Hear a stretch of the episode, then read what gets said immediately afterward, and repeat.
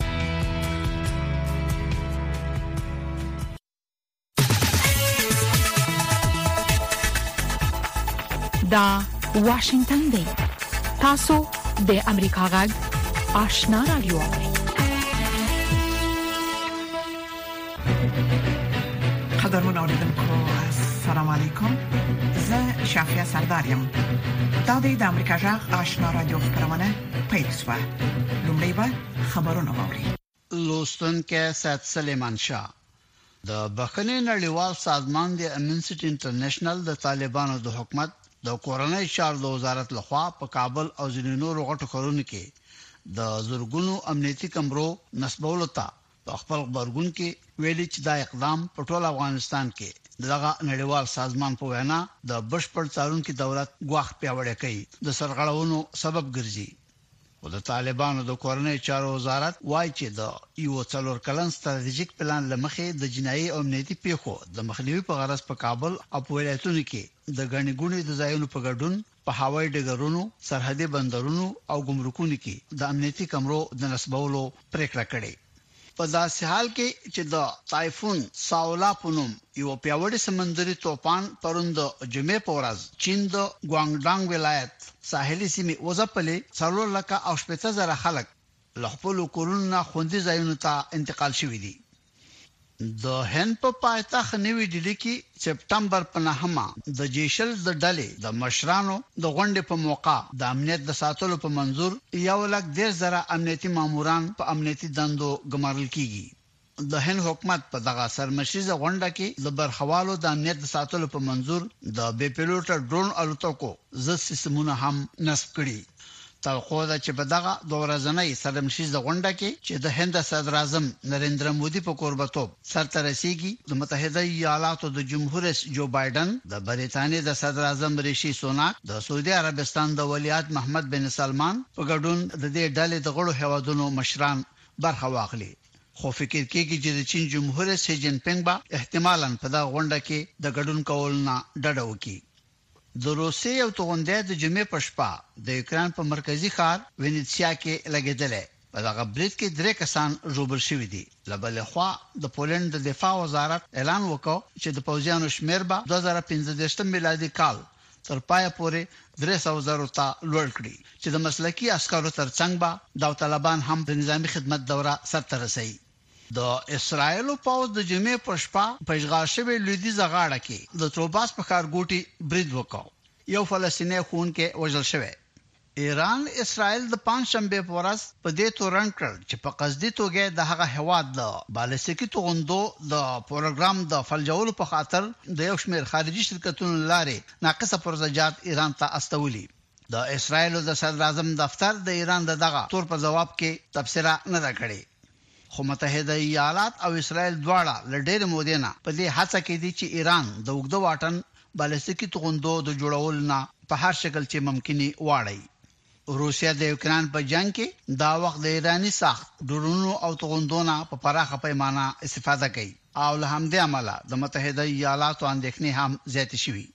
د امریکا پخواني جمهور رئیس ډانلډ ټرمپ چې د جورجیا د ایالت وي څارنوالې د خپلو اتلس نورو همکارانو په مرسته د دوه زره شلم میلادي کال د جمهوري ریاست د انتخاباتو د نتیجو د بدلولو په الزام تورن کړی، له خپل قانوني حق نه په استفاده په محکمه کې له حاضرېدو نه ځان مستثنا کړ. یو چینایې سړی چې فکر کیږي د چین د حکومت پر خلاف یې فعالیتونه کول او دا وخت یې په جنوبي کوریا کې پناه اخیستې، ممکن چې چین او جنوبي کوریا ترمنځ په اړیکو کې د کړکیچ د رامنځته کیدو سبب شي. پنځه دېرش کلن کونګ یوانګ، چینایي تابع چې په اصل کوریایي نژاده دی، په یوې کوچنۍ کښتۍ کې په ژیړ سمندرګي کې د درې سوه کیلومتره لارې وهلو وروسته، خپل ځان د چين د شانګډانګ ولايت نه جنوبي کوريا ته ورساوه. د نايجيريا جمهور رئيس بولا ټينوبو وړانديز کړی چې په افريقايي هېواد نيجر کې د ديموکراسۍ د بېرته اعاده کېدو او د ملکي حکومت د حاکميت لپاره بايد واکمنې پوځي جنټا ته نهه مياشتې وخت ورکړل شي. د نړۍ د عيسويانو د کاتوليک فرقې مشر پاپ فرانسس د جمعې په ورځ منګوليا ته په لومړي سفر ورسېده. پاپ منګولیا ته دا سفر په داسې حال کښې پاپ دا سفر په داسې حال کښې وکړ چې د منګولیا له دوو پیاوړو ګاونډیانو یعنې روسیې او چین سره د واتیکان اړیکې خرابې شوې دي. د یوې وروستۍ علمي څړېنې نه دا حقیقت جوت شوی چې د زیات وخت پورې لوړو اوازونو ته غوږ نیول ممکن چې د زړه په ناروغۍ د اخته کېدو او په ځینو مواردو کښې د انسان د زړه د سکتې یا درېدلو یو مهم سبب وګرځي. او ملګري ملتونه وايي په داسې حال کې چې په افریقایي هېواد سوډان کې د کورني جنګ د پیل کېدو څلور میاشتې پوره کېږي، جنګ کې شاملو دواړو خواو ته د وسلو د پلورلو لپاره د قاچاقبرانو کاروبار هم اوج ته رسېدلی. د خبرونو پای.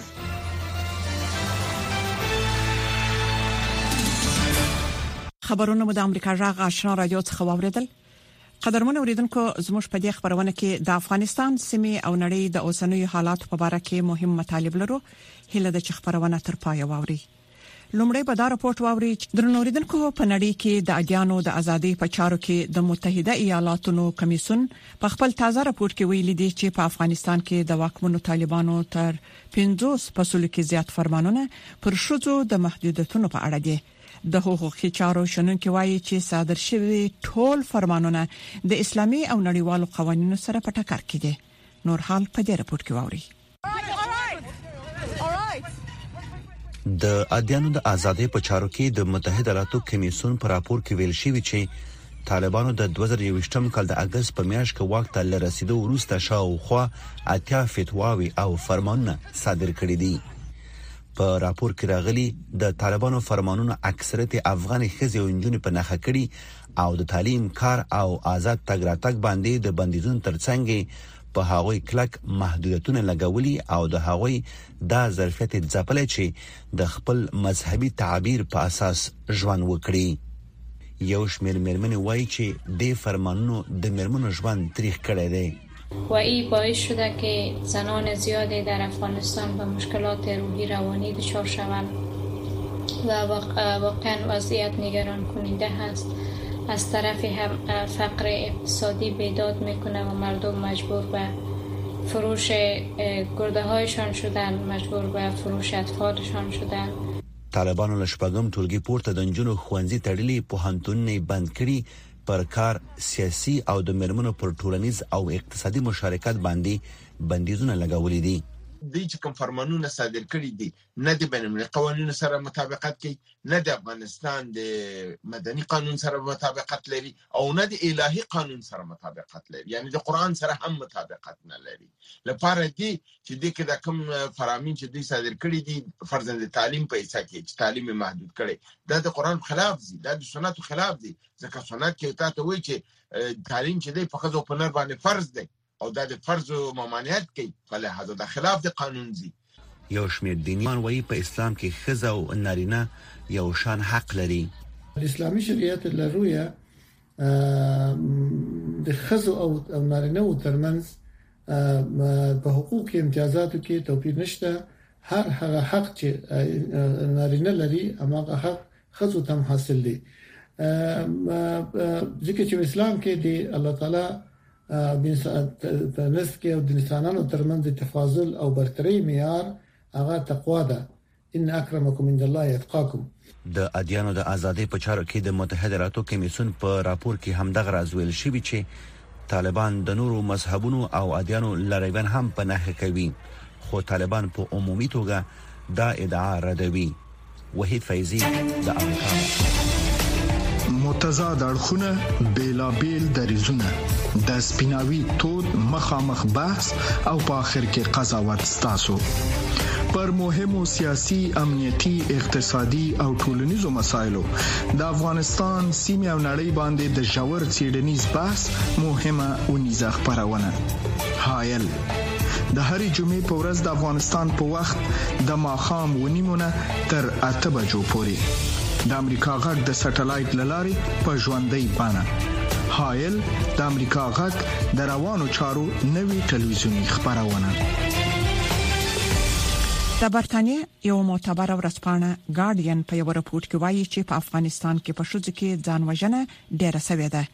ملګري ملتونه او د بشري حقوقو فعالان یې لامل پر شوزو د طالبانو زیاتیدونکو بندیزونه غني نور حال د شهناز نفیس پر رپورت کې ووري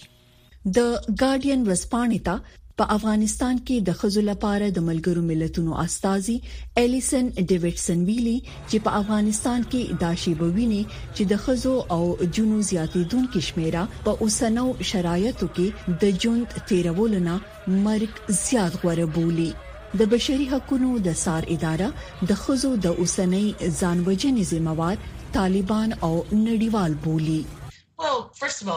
لومړی باید له طالبانو سره حساب کتاب وشي. دوی هغه څوک دي چې افغانستان یې په نړۍ کې یوازې هیواد کړ چې نجونې پکې له زده کړو او دندې بې برخې دي. ښځې د هغوی د آینده او خپلواکۍ په اړه ناهیلې کړې دي. دا هغه اړین څه دي چې د ژوند لپاره لازم دي. او موږ انسانان جوړوي هغه هر څه لاړل نړیواله ټولنه هم د ډیرو ملامتیو مستحق ده هغه ژمنه چې له افغان خزو سره کړې وي هغه یې مات کړې د ورسپانې ریپورت وایي چې د افغانستان په یو لس ولایتونو کې ټول شوی معلومات ښيي چې یوازې په نیمروز ولایت کې په سړو کې د ځان وژنې کچه زیاته ده او په پاتې لسو ولایتونو کې د ځان وژنې کچه په ښځو کې زیاته ده. خاص کر که موږ د خپګان بیماري، ډپریشن بیماري، والو، په هغې کې به زړه خپه وي، په سر باندې به بوج وي، په زړه باندې به بوج وي، غوسه به ورځي، آیسولیشن ته به ځي، تنهایي پسند کیږي به، کار کې به یې زړه نه لګي، خوب به ډسټرب کیږي، خوراک به ډسټرب کیږي، داسې د مایوسۍ، ناامیدۍ سوچونه به ورځي چې کله دا ټول شیزونه کور شو هغې نه پس چې دی هغې ته به خودکشۍ خیالات ورځي، هر ټایم به سوچ کوي چې زه چې دی هغه د خپل ژوند خاتمه وکړم. د طالبانو د بیا راتګ نه دوه میاشتې وړاندې چې کله په هیواد کې ګیر چاپیره بدامني زیاته شوه نو هغه وخت د رواني ناروغو په اړه یوې معتبرې مجلې، بي ایم سي سایکیټري ویلي وو چې د افغانستان نیمایي نفوس د رواني ناروغي سره مخ دی. د طالبانو تر واک لاندې افغانستان کې د افغان ښځو د ژوند شرایط هومره سخت شوي چې مرګ غواړي، خو د طالب تر واکمنۍ لاندې افغانستان کې ژوند ته غاړه نه ایږدي. د مهاجرت په قضیو کې له افغان ښځو سره توپیری چلند هم په ګاونډي هیواد پاکستان کې له افغان خزو سره ناوړه برخورد او بیکاری هغه نور لاملونه دي چې افغان مهاجر انجونی ځان وژنې ته اړ باسي په افغانستان کې د روغتونونو چارواکي او طبي مامورین اجازه نه لري چې د خزو د ځان وژنې د پیښو حال چاته ووایي او نه طالبانو په دغه اړه ګارډین ورځپاڼې یا نورو خبریالانو ته حال ورکړی. د روغتیا د نړیوالې ادارې د رپوټ له مخې، تر دوه زره او نولسم کال پورې په افغانستان کې د ښځو په پرتله په سړو کې د ځان وژنې کچه زیاته وه، خو ملګري ملتونه او د بشري حقونو فعالین وايي چې د طالبانو د بیا واک ته رسېدو وروسته په افغانستان کې د سړو نه زیاتې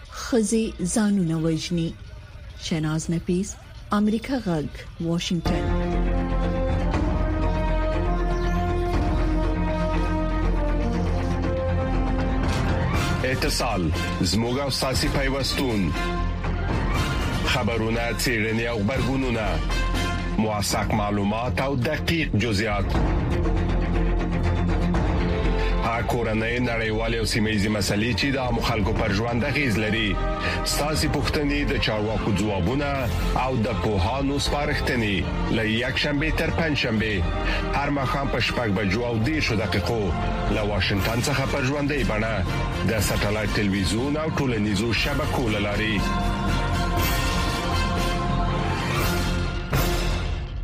له غږ آشنا رادیو څخه رپورټونو ته دوام ورکوو. د طالبانو حکومت وایي چې د پنځشنبه په ورځ یې د یو شمېر شرکتونو سره د افغانستان د اوو کانونو د استخراج او پروسس تړونونه لاسلیک کړ د طالبانو د قانون او پټرولیم سرپرست وزیر شهاب الدین دلاور وایي د دغو تړونونو ارزښت څه باندې 6.15 میلیارډ ډالر کیږي د بل خوا د اقتصادي چارو یو شمیر چیرونکو وایي د قانونو تړونونه باید د نړیوالو معیارونو پر بنسټ وسی نور حال په رپورت کې د طالبانو حکومت د پنځشنبه په ورځ په کابل کې له یو شمېر شرکتونو سره د افغانستان د وو قانونو د تړونونو د لاسلیک کېدو خبر ورکړ چې په ځینو کې به په ګډه توګه د افغان او بهرنۍ شرکتونو لخوا پانګونه کیږي د طالبانو د قانون او پټرولیم سرپرست وزیر شهاب الدین دلاور په خبري کانفرنس کې وویل د دغو تړونونو لمخې د قانون د استخراج موده له 15 تر 10 کلونو پورې ده شپږ میلیارده پنځه سوه اووه پنځوس میلونه ډالر به دوی صرف سرمایه ګذاري کوي. په دغو کانونو کې د تخار ولایت د چاه اب د سرو زرو کان، د لوګر مس عینک دویم کان، په غور کې د سرب او جستو کان او په هرات کې د غوریان د اوسپنې لومړی، دویم او دریم بلاکونه شامل دي چې په ځینو کې به د افغان او چینایي، ایراني، ترکیه او بریټانوي شرکتونو لخوا مشترکه پانګونه کیږي. دا په داسې حال کې ده چې په اکثریت دغو تړونونو کې د حکومت ونډه د 14 سلنه خودل شوې د اقتصادي چارو یو شمېر شنونکي وایي د قانونو تړونونه ډېر دقت او مسلکي چلند ته اړتیا لري باید قراردادونه ډېر معیاري او ډېر سنجول شوي وي چې په هغه کې د افغانستان ګټه خوندی اوسی او البته مانا یې دا نه دی چې دا ټول ګټې موږ ته ورسیږي دا عادلانه څه چې بینالمللي نورمونه اجازه ورکوي هغسې باید وسی او دا ډیر دقت ته ضرورت لري او په بیړه دا پلساو قراردادونه ورکول خدای وکړي چې په هغه کې د وخت کمښت په بنسټ نیمګړتیاوې زیاتې نه وي این شفافیت در استخراج معادن با توجه به قراردادهایی که در در رابطه با شرکت های داخلی و خارجی انجام میشه نیازمند یک تفکر همه جانبه که جامع منفعه برای تمام شهروندان افغانستان باشه میتونه موثریت بیشتر در واگذاری و ایجاد یک نوع زمینی مناسب برای سرمایه‌گذاری های داخلی بیشتر توسط تاجران خارجی به داخلی در داخل افغانستان باشد. د طالبانو حکومت تر دې وړاندې یو چینايي شرکت سره د آمو سیند د حوزې د تیلو د استخراج تړون لاسلیک کړی وو. افغانستان د نړۍ په هغو هیوادونو کې شامل دی چې د نادرو او ستراتیژیکو منرالونو، قیمتي کاڼو، طبیعي ګازو، پترولیم او نورو سون توکو کانونه لري. د ځینو سرچینو په خبره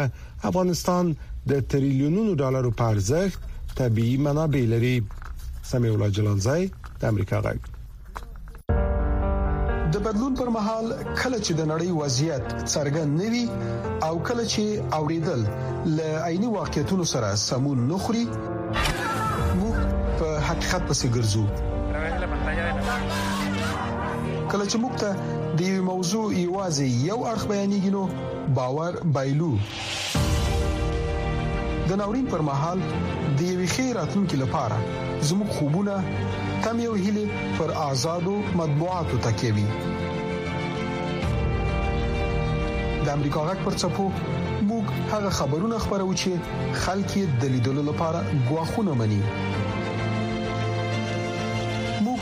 نړۍ سره وسلو او د حقیقت په ویلو یو موټی کوو د امریکا غږ لاري موږ بشپړ انزور درکو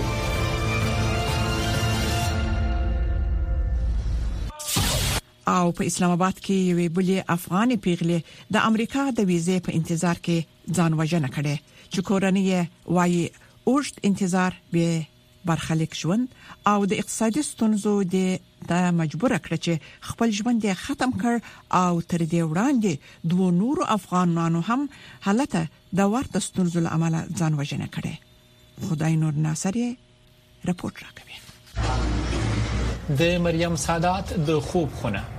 او هغه ځای چې د تری ځان وغورځاوه او خپل ژوند یې ختم کړ د اغلې سادات کورنۍ وايي د امریکا پی ټو ویزه اوږده انتظار او اقتصادي ستونزو د ته اړه کړه چې خپل ځان په خپل وبښني پلار ته یې نږدې خپلوان د تسلۍ لپاره راځي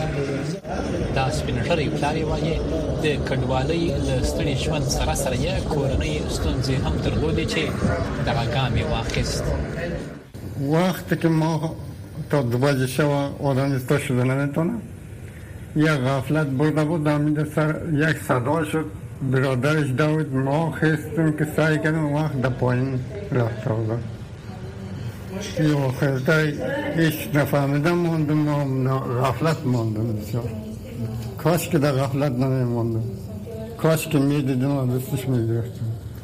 مشکلات مهاجرت این نامزاد این تهدید و نامزاد این همه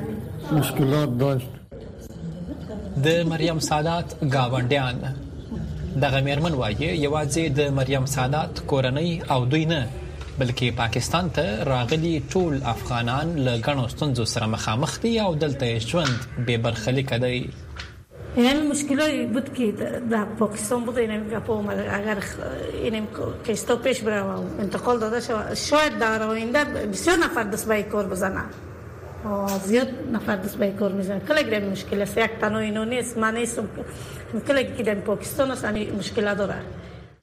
دا یوازې په اسلام آباد کې په تیرو څلورو میاشتو کې درېیمه پیښه ده چې افغانان ځانوژنې کوي تر دې وړاندې هم هغو چې ځانونه وژلي وو کورنۍ لامل ورته ستونزې یادوي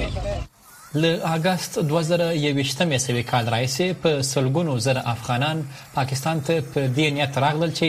په میاشت دوو کې به یې د امریکا او نورو بهرنیو هېوادونو د ویزو کار وسي او لاړ به سي، خو ان تر دوه کاله زیات وخت وسو چې د زرګونو کورنیو ژوند همهغسې بې برخلیکه دی. خدای نور ناصر، امریکا غږ، اسلام اباد.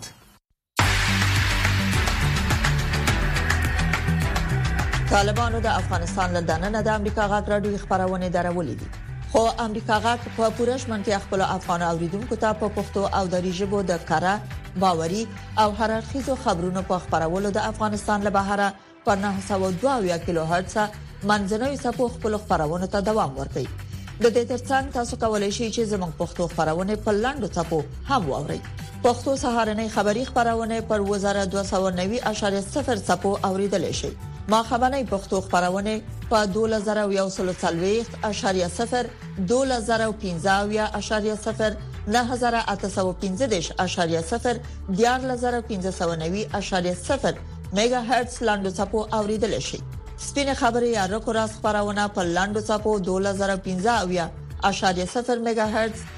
د نن او وضعیت یا روایت امروز خبرونه په لاندو څپو 2040.0 9915.0 2015.0 او ساسه غټ یا صداي شما خبرونه په لاندو څپو 2015.0 نهه زره درې سوه پنځه پنځوس میګا هرتز اوریدل شي. دا د امریکا جغ آشنا رادیو ده د برتانیې یو معتبر ورځپاڼه ګارډین په یو راپور کې وایي چې په افغانستان کې په شوځ کې ځان وژنه ډیره سوې ده ملګری ملتونه او د بشري حقوقو فعالان یې لامل پر شوځو د طالبانو زیاتیدونکو بندیزونه غني نور حال د شهناز نفیس پر راپور کې وایي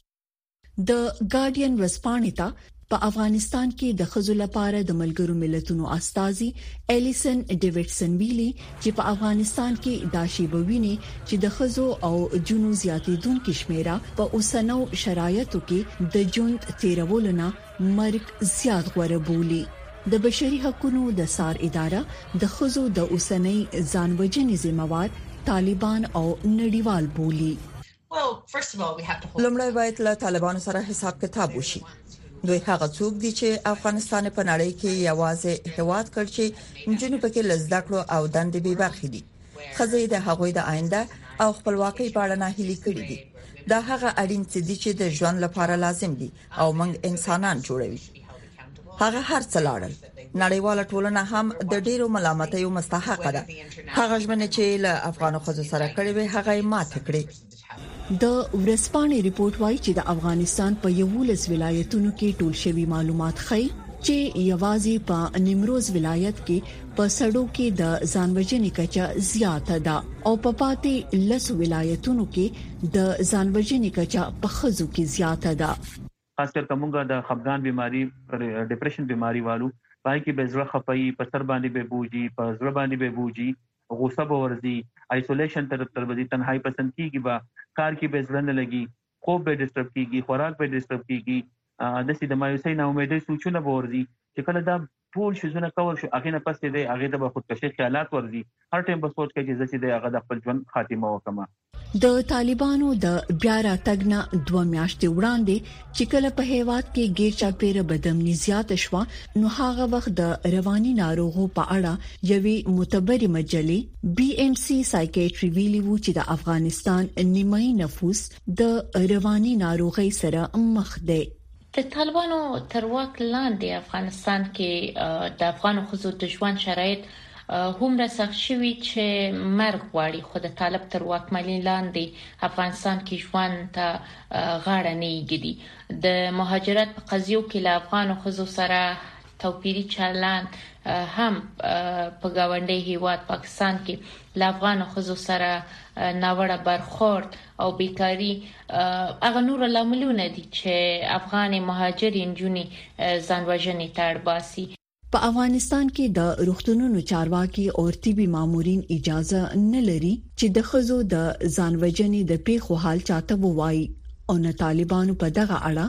ګارډین ورسپانې یا نور خبريالانو ته حال ورکړي د روغتیا د نړیوالې ادارې د ریپورت لمخې تر 2019 کال پورې په افغانستان کې د خزو په پرتله په سړو کې د ځانوژنې کچه زیاته و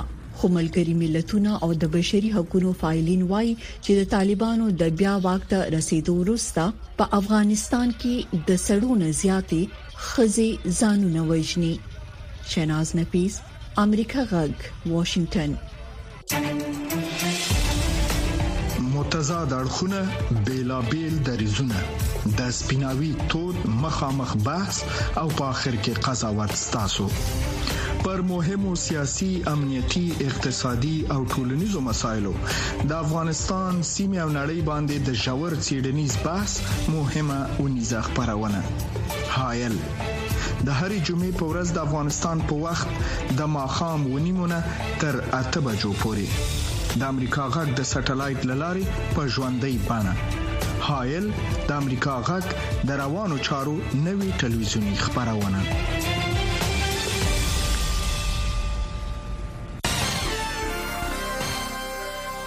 درنو اوریدونکو دا د اوس په یو سرمقاله ووري چې د امریکا د حکومت نظر څرګندوي د آذربایجان او ارمنیا حکومتونو د 2020 کال د نومبر په میاشت کې د اوربند په اړه کې موافقه لاسلیک کړه چې د ناګور نقره باغ د سیمې په سر شپږ هفته ییز جنګ یې پای ته ورساوه. د اوربند نه وروسته د روسیې د عسکرو سوله ساتي قوه د لاچین په دهلیز کې ځای په ځای شوله. یوازنی سرک دی چې ناګورنا قرهباغ ته رسیږي. لیکن تیر کال د اذربایجان نه حکومت د لاچین دهلیز په بندولو پیل وکړ. له ارمنیا سره یې د اوربند له موافقې نه سرغړونه وکړله. د بین المللي سره صلیب د کمیټې په قول د لاچین دهلیز له لارې د یو شمېر هفتو لپاره ټوله بشري مرسته ودرول شوله. د دغه اقدام سر په ناګورنه قرهباغ کې د لسګونو زرو تنو لپاره بشري ستونزې ته ووته چې مجبور کړای شولو چې د کمو تدارکاتو په باره کې ژوند وکړي. په ملګرو ملتونو کې د امریکا استازې لنډا تاماس ګرینفیلډ وویلي، موږ د اذربایجان له حکومت نه غواړو چې د دغه دهلیز له لارې تحرک بیا په کار واچوي نو تجارت، بشري او خصوصي موټرې به د ناګورنا قرهباغ خلکو ته ورسیږي. خو چې موږ په ژوره توګه د لاچین دهلیز په بندولو سره نارامه شوي یو چې ضروري شیانو ته یې لاسرسی بند کړی دی او بشري وضعه یې زیاته کړې ده، خوړو، درملو، د ماشومانو فارمول او انرژي ته لاسرسی باید هیڅکله برمته نشي. سفیرې تامس ګرینفیلډ وویلې، مازې د لاچین دهلیز د بندولو پای ته رسول کافي نه دي چې د ناګورنه قربان خلک وژغوري. زه غواړم د شاملو خواو لپاره په ضرورت ټینګار وکړم چې داسې خبرو ته دوام ورکړي چې هدف یې جنجال ته دوامداره سوله ییز نهال وي او د آرمانیا او آذربایجان ترمنځ د روابطو عادي کول وي او اجازه راکړئ چې په دې باب څرګندونې وکړم، سوله په سیمه کې باید ناګورنا قرهباغ کې د کسانو حقوق او امنیت شامل وي. سفیر تاماس ګرینفیلډ وویل، موږ د هر هغې بڼې ملاتړ کوو چې ارمنیا او اذربایجان ته اجازه ورکړي چې دغه جنجال ته د یو سوله ییز حل په لور ډیالوګ ته دوام ورکړي امریکا ژمنه کړې ده چې د جنوبي قفقاز د سیمې لپاره سوله ییز دیموکراتیک او سوکاله راتلونکي پیاوړی کړي